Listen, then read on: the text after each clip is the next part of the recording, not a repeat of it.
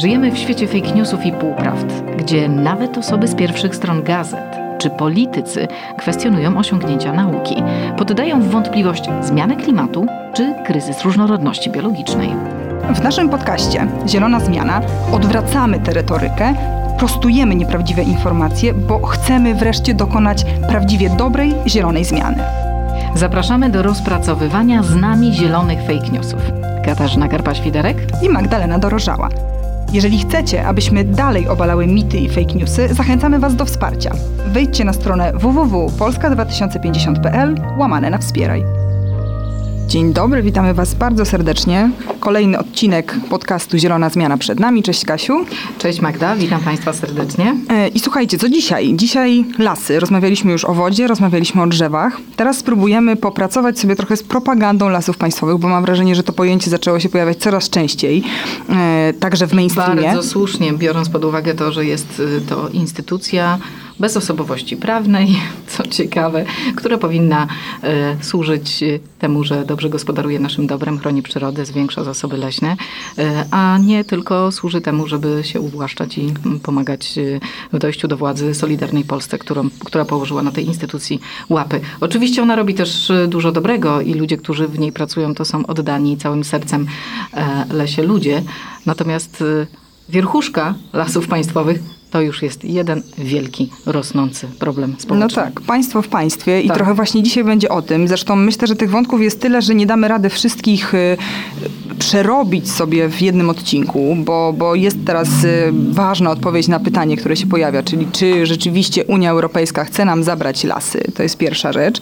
Jest temat Puszczy Karpackiej, o której... Nie chcę od razu no, no więc właśnie, od razu odpowiesz, ale pewnie dzisiaj, dzisiaj nie zdążymy tego tak dokładnie Mam nadzieję, rozpracować. Że nikt z Państwa nie podpisał ustawy Solidarnej Polski. A to jest temat, która jest tak. nazywana błędnie ustawą obywatelską, która ma tak. rzekowo chronić polskie lasy przed Unią. Dokładnie. Mamy, mamy nadzieję, że ten następny odcinek naszego podcastu o tym przynajmniej sprawi, że już nikt z Państwa tego nie podpisze. Jeżeli już się komuś, komuś zdarzyło, to, to, że omsknęła, omsknęła ręka, to, że nie będziecie tego podpisywać.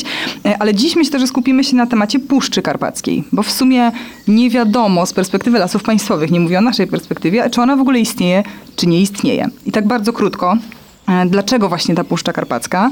Pewnie parę tygodni temu była mm, konferencja Lasów Państwowych, e, oczywiście połączona z Ministerstwem Klimatu i Środowiska, podczas której jedna z dziennikarek zapytała o Puszczę Karpacką. W odpowiedzi usłyszała, że Puszcza Karpacka nie istnieje. Po chwili wygooglała, kolokwialnie mówiąc, na swoim telefonie i okazało się, że na stronie Lasów Państwowych pojawia się hasło Puszcza Karpacka, więc ponownie zabrała głos, zadała to pytanie raz jeszcze. Użyła nawet sformułowania, że jak byk na stronie Lasów Państwowych jest Puszcza Karpacka. Państwo tutaj mówicie, że tej Puszczy Karpackiej nie ma. Zapadła wtedy dłuższa, niezręczna cisza. Wszyscy rozglądali się po, rozglądali sobie. się po sobie, szukali wsparcia. W końcu jedna z osób uczestnicząca w konferencji, e, bodajże rzecznik prasowych, prasowy Lasów Państwowych, tak, e, podszedł do mikrofonu i powiedział, że e, nauka idzie do przodu, świat się zmienia, mniej więcej tak, czyli że Puszczy Karpackiej jednak już nie ma.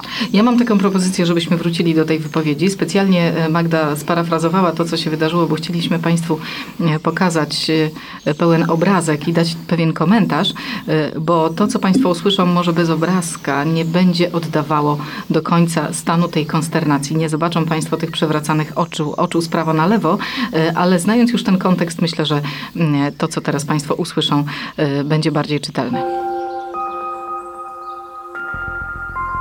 Jak pan się ustosunkowuje do wycinki e, Puszczy Karpackiej i także drzewostanu? E, to są drzewa nieraz po 100 ileś lat mające, niektóre nawet z czasów rozbiorów. Nie, to pani redaktor sobie wymyśliła pojęcie Puszczy Karpackiej. Pojęcie, których pani używa, w ogóle nie ma. Nie ma czegoś takiego jak Puszcza Karpacka. Nie ma. Bo chciałam się tylko y, upewnić i właśnie sprawdzam. Na stronie Lasów Państwowych Encyklopedia Leśna jest Puszcza Karpacka GW u Państwa na stronie w Encyklopedii Leśnej. Pani redaktor, to jest stare wydanie tej encyklopedii sprzed kilkunastu lat. Czyli poprzednie lasy tam byli niekompetentni ludzie.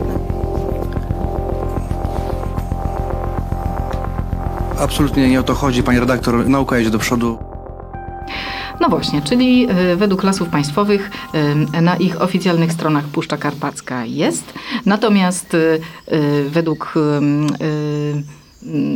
stanowiska lasów państwowych Puszczy Karpackiej nie ma, ale co jest najważniejsze, e, ich działania e, są takie, e, jak ta druga teza. I to jest najgorsze. Bo gdyby lasy państwowe mówiły, Puszczy Karpackiej nie ma, ale jednocześnie chroniły te cenne drzewostany, które tam są, to myślę, że wielu ekologów byłoby w stanie im wybaczyć nawet taki język. Ale gorzej, że oni mówią, że Puszczy, Puszczy Karpackiej nie ma i po prostu tną na potęgę. Nawet drzewa o wymiarach pomnikowych.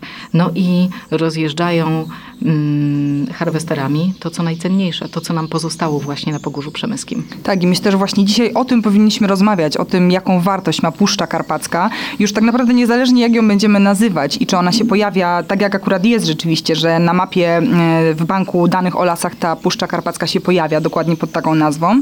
I jakby Sama nazwa to już jest totalnie wtórna rzecz, ale rzeczywiście kwestia gatunkowa, kwestia tego podejścia do drzew, kwestia tego, że chociażby w Puszczy Karpackiej mamy bodajże ponad 6 tysięcy drzew o wymiarach pomnikowych które są oczywiście cięte, bo na sam rok 2023 pięć karpackich nadleśnic, i tutaj pozwolę sobie je wymienić, Baligród, Bircza, Lutowiska, Stuposiany i Krasiczyn, zaplanowały wycięcie 500 drzew, które są tak naprawdę drzewami pomnikowymi, czyli z tych 6 tysięcy tracimy już 500 drzew. To jest to jest nie do zmierzenia. W sensie wartość tych drzew i przyrodnicza, i pod kątem bardzo często też mikroklimatu, który, który w tej Puszczy Karpackiej jest, no to to jest rzecz, której nie da się, nie da się wycenić.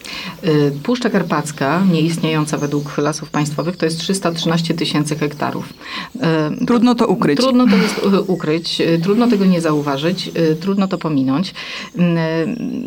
Kiedy korzysta się właśnie z Banku Danych o Lasach, to tam ta Puszcza Karpacka się pojawia tak, że e, jest widziana mm, na mapie, chociaż według lasów państwowych znowu nie istnieje. E, powiedziałaś o tym, ile jest drzew o wymiarach pomnikowych, które nie są pomnikami przyrody, a mogłyby być i właściwie tak. nie wiadomo dlaczego nie są, chyba tylko głównie dlatego, że nie dałoby się ich wtedy wyciąć. Ale to jest oczywiście też teren, gdzie są niesamowite zwierzęta. Tam są wszystkie duże drapieżniki, bo e, występuje mm, nie tylko wilk mm, i to wilki występują w Bieszczadach, jakby na całości Bieszczad, ale jest też niedźwiedź, jest też ryś, jest też żbik, e, który jest e, małym drapieżnikiem, małym kotem, ale drapieżnikiem, który jest e, wymierającym gatunkiem. Oprócz tego mamy bardzo dużo, dużo roślin, które są chronione, ale mamy też na przykład dużo e, chrząszczy, które są ciekawe i występują tylko tam. I moim ulubionym chrząszczem, pomyślałam sobie, że on właściwie mógłby stać się symbolem, e, jeżeli w końcu powstanie Turnickiego Parku Narodowego, jest ponurek Schneidera. Nazwa, nazwa jest tak, nazwa jest taka, że warto ją zapamiętać, to na pewno. On żyje pod korą e, drzew, które są drzewami martwymi, najczęściej tych drzew dużych. To nawiązanie też do naszej ostatniej jak te drzewa są nawet martwe, są ważne i jaką mają rolę. No, właśnie ponurek Schneidera potrzebuje martwych drzew, takich, których nikt nie wywiezie. Y, byłam w Puszczy Karpackiej kilkukrotnie y, i za każdym razem było to dla mnie y, ogromne duchowe przeżycie. Pewnie zrozumieją to e, Państwo, bo pewnie skoro nas słuchacie, też macie e, poczucie, że... Zieloną duszę. Zieloną duszę i że przyroda potrafi uskrzydlać i przyroda potrafi leczyć i, i, i dawać też bardzo dużo takich przemyśleń i odczuć duchowych. E, tam są na przykład te gigantyczne jodły. Ja pierwszy raz widziałam jodłę, o która zresztą doczekała się swojego imienia, ma na imię celebrytka. I to jest tak ogromne drzewo, ona ma prawie 40 metrów. No, to jest właściwie drzewo, które można by czcić. Przypomnę przypominają mi się te drzewa z awatara, które no są tak, takie ogromne no tak. i które niosą życie. No i pomyślmy sobie, jak y, duży teren wokół tego drzewa jest jakby częścią ekosystemu, które, które to drzewo jakby wytwarza, którego jest bardzo I te, ważnym filarem. I te jodły to też jest ważna kwestia. Nie pamiętam, czy o tym wspominałyśmy przy ostatnim odcinku, ale, ale akurat nasze stowarzyszenie, e, robiąc ten marsz żałobny dla drzew w Krośnie, ten protest, bardzo mocno zwracało uwagę na temat jodeł, dlatego że jednym z elementów też propagandy akurat w tamtych, w tamtych nadleśnictwach były wycinki jodły spowodowane rzekomo tym, że młode jodełki potrzebują przestrzeni i jakby te stare drzewa odbierają im możliwość życia. I jakby tutaj już oczywiście można wchodzić bardziej w kwestie filozoficzne, jak sobie natura radziła, jak nie było, jak sobie jodła radziła, jak nie było ludzi i, i nie było wycinanych dojrzałych drzew, ale też nauka mówi po prostu tyle, że te małe jodełki, one potrzebują cienia, bo potrzebują tej wilgoci w glebie. Więc każda wycinka dużej jodły po to, żeby ratować małe, to tak naprawdę jest zabijanie także tych młodych drzew, które sobie po prostu nie poradzą w, jeszcze przy zmianach klimatu, które, które absolutnie trzeba, trzeba na to nałożyć. Więc myślę, że, że to jest też ważne, bo nawet przy takich drobnych kwestiach pojedynczych gatunków lasy państwowe często są przygotowane ze swoimi argumentami i dlatego jeżeli wy na przykład walczycie o swoje lasy, a wiem, że wielu z was to robi, to edukujcie się, sprawdzajcie, pytajcie ornitologów, pytajcie przyrodników, pytaj, pytajcie ekologów. To są ludzie, którzy wiedzą, co z tych rzeczy jest prawdą, co jest manipulacją i gdzie mogą wam pomóc, gdzie mogą być te wasze argumenty i uzasadnienia w tej, w tej nierównej walce. Puszcza Karpacka to jest takie miejsce, gdzie też jest bardzo wiele gatunków e, ptaków, e, zarówno tych, które mają tam miejsca lęgowe, jak i tych w przelotach. E, ja pamiętam, jak jechaliśmy do Puszczy Karpackiej i patrzę, a na drutach wysokiego napięcia siedzi Puszczy Kuralskiej i to, to mm. było po prostu coś niesamowitego. On po prostu sobie siedział i tam sobie patrzył. Te druty to były zresztą jedyne przejawy cywilizacji. Niestety druty i ambony, bo to jest też tak, część to jest praktycznie wszędzie. Pro, problemu, bo tam jest tak. E, OHZ, czyli Ochrodek, Ośrodek Hodowli Zwierzyny, który, e, nomen omen, jest zarządzany przez Lasy Państwowe, które z tego mają ogromne pieniądze, bo to są też e, polowania tak zwane dewizowe, dewizowe za które płacą ludzie z innych krajów bardzo dużo pieniędzy, żeby mogli sobie przyjechać i zabić jakieś zwierzę u nas. Więc tereny, które właściwie są w wielu miejscach bez śladów działalności człowieka. Jeśli już gdzieś się mają, no to gdzieś tam jakieś pociągnięte druty wysokiego napięcia albo właśnie e, ambony, ale i tak to jest miejsce, gdzie można się rozglądać i e, czuć naprawdę taką pierwotną puszczę. Zgadzamy się oczywiście co do tego, że to nie jest taki lity las, że to nie jest taki lity kompleks leśny. To był las, który w części przetrwał, czyli są te takie relikty. E, niektóre są ich długość życia drzew jest szacowane na ponad 300 lat, czyli wyobraźmy sobie, jak długo ten, ten fragment na przykład nie był przekształcany, ale między tym oczywiście są te lasy, które wyrosły już po wojnie. Wtedy, kiedy mm, po akcji Wisła bardzo wiele osób e, z tego terenu zostało e, wysiedlonych, wysiedlonych tak. i zostały te tereny po to, żeby e, mogła przejąć je na powrót natura. Może... No tak, tutaj, tutaj jeszcze podkreślę, bo, bo znaleźliśmy też taką informację, że właśnie Pogórze Przemyskie i Góry Sanocko-Turczańskie e, to jest taki teren, taka przestrzeń, gdzie naukowcy wykazali, że te lasy są największymi zwartymi kompleksami o wykazanej ciągłości leśnej od 1780 roku. No to to coś znaczy. To są naprawdę e, stare, dojrzałe drzewostany, których nie mamy w Polsce wiele, gdzie w większości przypadków mamy plantacje. Ale powiedziałaś o tych polowaniach dewizowych i przypomniała mi się taka, e, pamiętam kiedyś kupowałam, mój tata fotografuje hobbystycznie przyrodę. Kupowałam mu kiedyś taką koszulkę, y, gdzie było przekreślona strzelba i było, że do natury chodzę strzelać, ale strzelać zdjęcia. I obok był fotograf, fotograf z aparatem. I to mi przypomniało też taką historię. Pamiętam, jak byłam parę lat temu w Bieszczadach, y, w takim totalnie dzikim miejscu, drewniany domek pośrodku, pośrodku kompletnie lasu i nad samym Sanem. Y, I słuchajcie, poznałam tam Belga, który od kilkunastu lat, rok w rok, przychodzi, przyjeżdża właściwie i spędza miesiące w tych lasach po to, żeby fotografować wilki bo to jest jego największa pasja. On oczywiście te zdjęcia później do różnych magazynów, książek sprzedaje, więc to jest jego sposób na życie, ale pamiętam jak, jak dziś on mi powiedział, że nigdzie nie robi tak dobrych zdjęć wilków jak w Polsce, jak ja właśnie w Bieszczadach. wcale mu nie dziwię, bo sama chodzę za wilkami na Pomorzu Zachodnim i, yy, no i zdarzyło mi się też widzieć młode, które się pojawiły. Yy, zresztą niedługo będą się młode wilki rodzić, mm-hmm.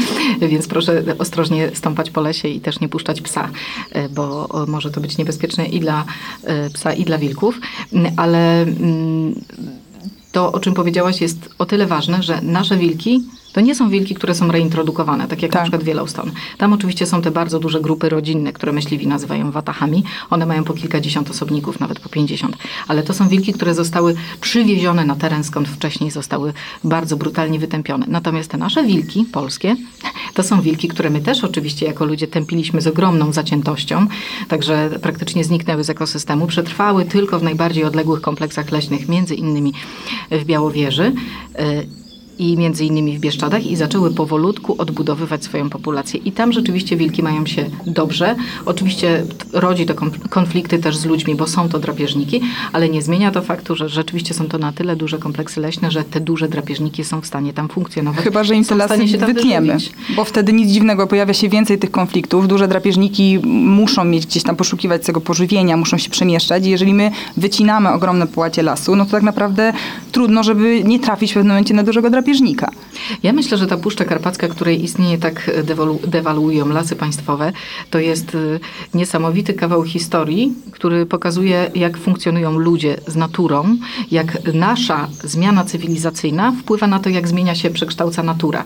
Y, bo zauważ na przykład, że y, w, było tak zwane niezależne księstwo Arłamów. Ono było otoczone 100-kilometrowym mm, płotem tak. i tam były po prostu tereny łowieckie dla różnych, dla wierchuszki generalnie komunistycznej. Przyjeżdżał Tito, przyjeżdżał Breżniew, przyjeżdżali e, nasi e, tak. partyjni funkcjonariusze po to, żeby tam pić wódę i po to, żeby strzelać. E, I oczywiście dla tych zwierząt, do których oni strzelali, to było fatalne, e, ale z drugiej strony to otoczenie tego, tego terenu płotem sprawiło, że tam nie było wycinek, więc tam zachowały się te najcenniejsze drzewostany. No tak. I tam zachowały się też na e, najbardziej, mm, e, najpiękniejsze zwierzęta. No i co powinniśmy teraz robić? Powinniśmy to wyciąć, a te zwierzęta wystrzelać? Czy powinniśmy właśnie mm, skorzystać z tego, skoro już jest taka historia tego miejsca i te zwierzę utrzymać. Mieliśmy bardzo trudną historię w tych regionach. No to znowu, teraz mamy z kolei tam e, cenne drzewostany, więc można nauczyć się zarabiać na turystyce, która jest związana właśnie z przyrodą, która jest absolutnie unikatowa na skalę europejską. No tak i wielu naukowców, zresztą wiele też organizacji tych, tych NGO-sów zielonych mówi o tym, że po prostu w przypadku tych naprawdę starych drzewostanów bardziej nam się opłaca zapraszać zagranicznych turystów i wykorzystać to trochę jako taką naszą, wiecie, przewagę konkurencyjną na rynku turystycznym, który jest naprawdę dość konkretnie wypakowany, a jest naprawdę dużo ludzi, którzy poszukują czegoś większego, czegoś głębszego niż taka tradycyjna turystyka masowa szukają tego kontaktu z naturą, a w takim lesie no to, to jest kontakt z naturą jakby sam w sobie, więc to jest rzeczywiście bardziej opłacalne niż wycinanie w pień tego lasu, pozbywanie się go i, i wysyłanie tego drewna najczęściej pewnie do Chin, więc to, to, jest, to jest ogromny temat i przede wszystkim coś takiego do rozważenia, jeżeli kogoś bardziej przekonują ekonomiczne argumenty niż takie typowo filozoficzno-zielone, jeśli mogę je tak nazwać, to, to, to pomyślmy też o tym.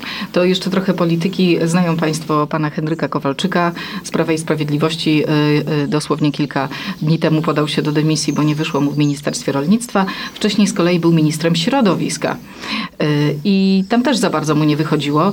Mówił różne rzeczy na temat drzew, na kopie był jedną, e, tym 2018 roku był jedną z tych osób z polskich polityków, która była cytowana najszerzej odnośnie jego mówienia o tym, że e, z klimatem możemy, czy ze zmianą klimatu możemy walczyć poprzez nasadzenia.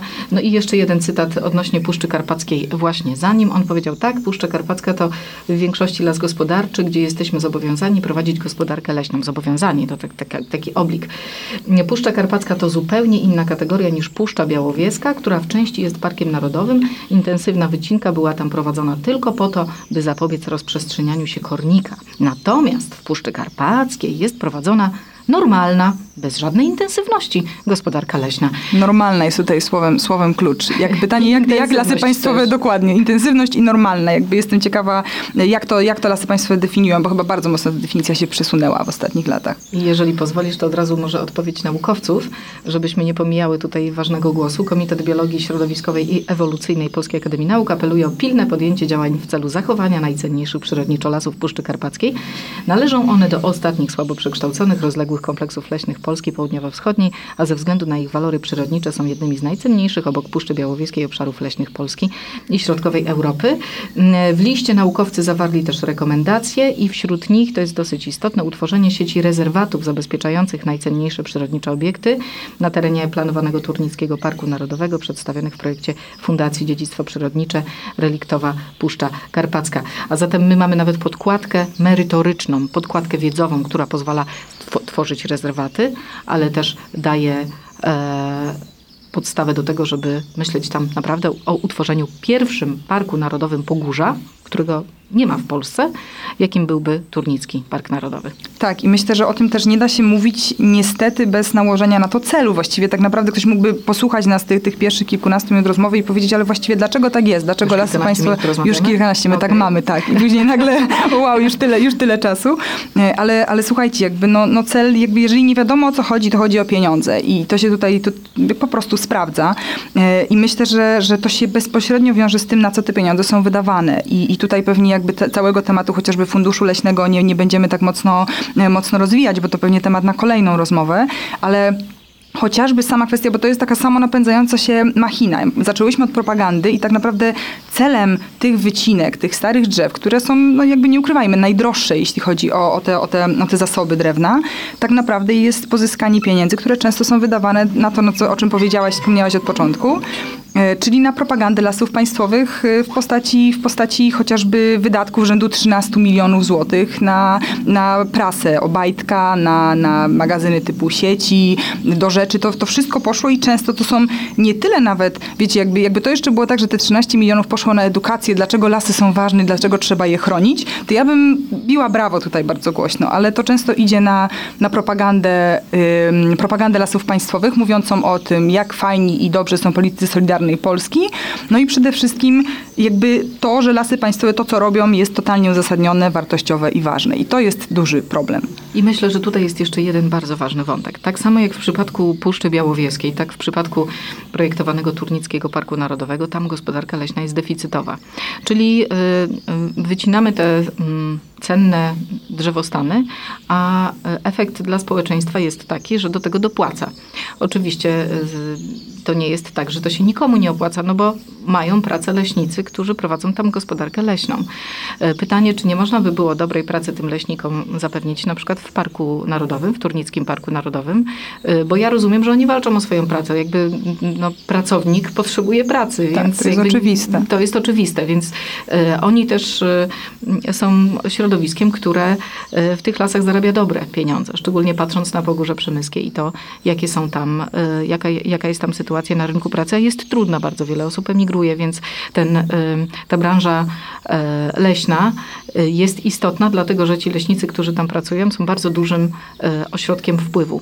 Chociaż jak jeździłam po Puszczy Karpackiej, jeździłam po tych nadleśnictwach, rozmawiałam z ludźmi, to okazało się, że miejscowi tam nie pracują wcale przy wyrębach. Tam pracują ZULE, czyli zakłady usług leśnych i Dokładnie. ludzie sprowadzani z I oni wcale nie mają płacone tak oni dobrze. Oni mają bardzo małe pieniądze Dokładnie. i oni są traktowani po prostu jako tania siła robocza. I ostatnio pracownia na rzecz wszystkich istot wypuściła raport Lasy na sprzedaż, w którym też o tym, o tym mówi, między innymi ile ludzie zarabiają, także, także w Zulach i, i jak to wygląda. I już pomijając kwestię tych zarobków, to jeszcze kwestia wypadkowości tej pracy i tego, że badania pokazują, że większość ludzi pracujących w lasach nie chcieliby oni, żeby ich dzieci robiły to, to samo, bo to jest niebezpieczna praca. Bodajże w zeszłym roku chyba 300 wypadków było, z tego 7 osób straciło życie. To, to są, jest, to są to przerażające jest dobrze, że to mówisz, dlatego że dokładnie to potwierdza, e, potwierdzają moje rozmowy tam na miejscu.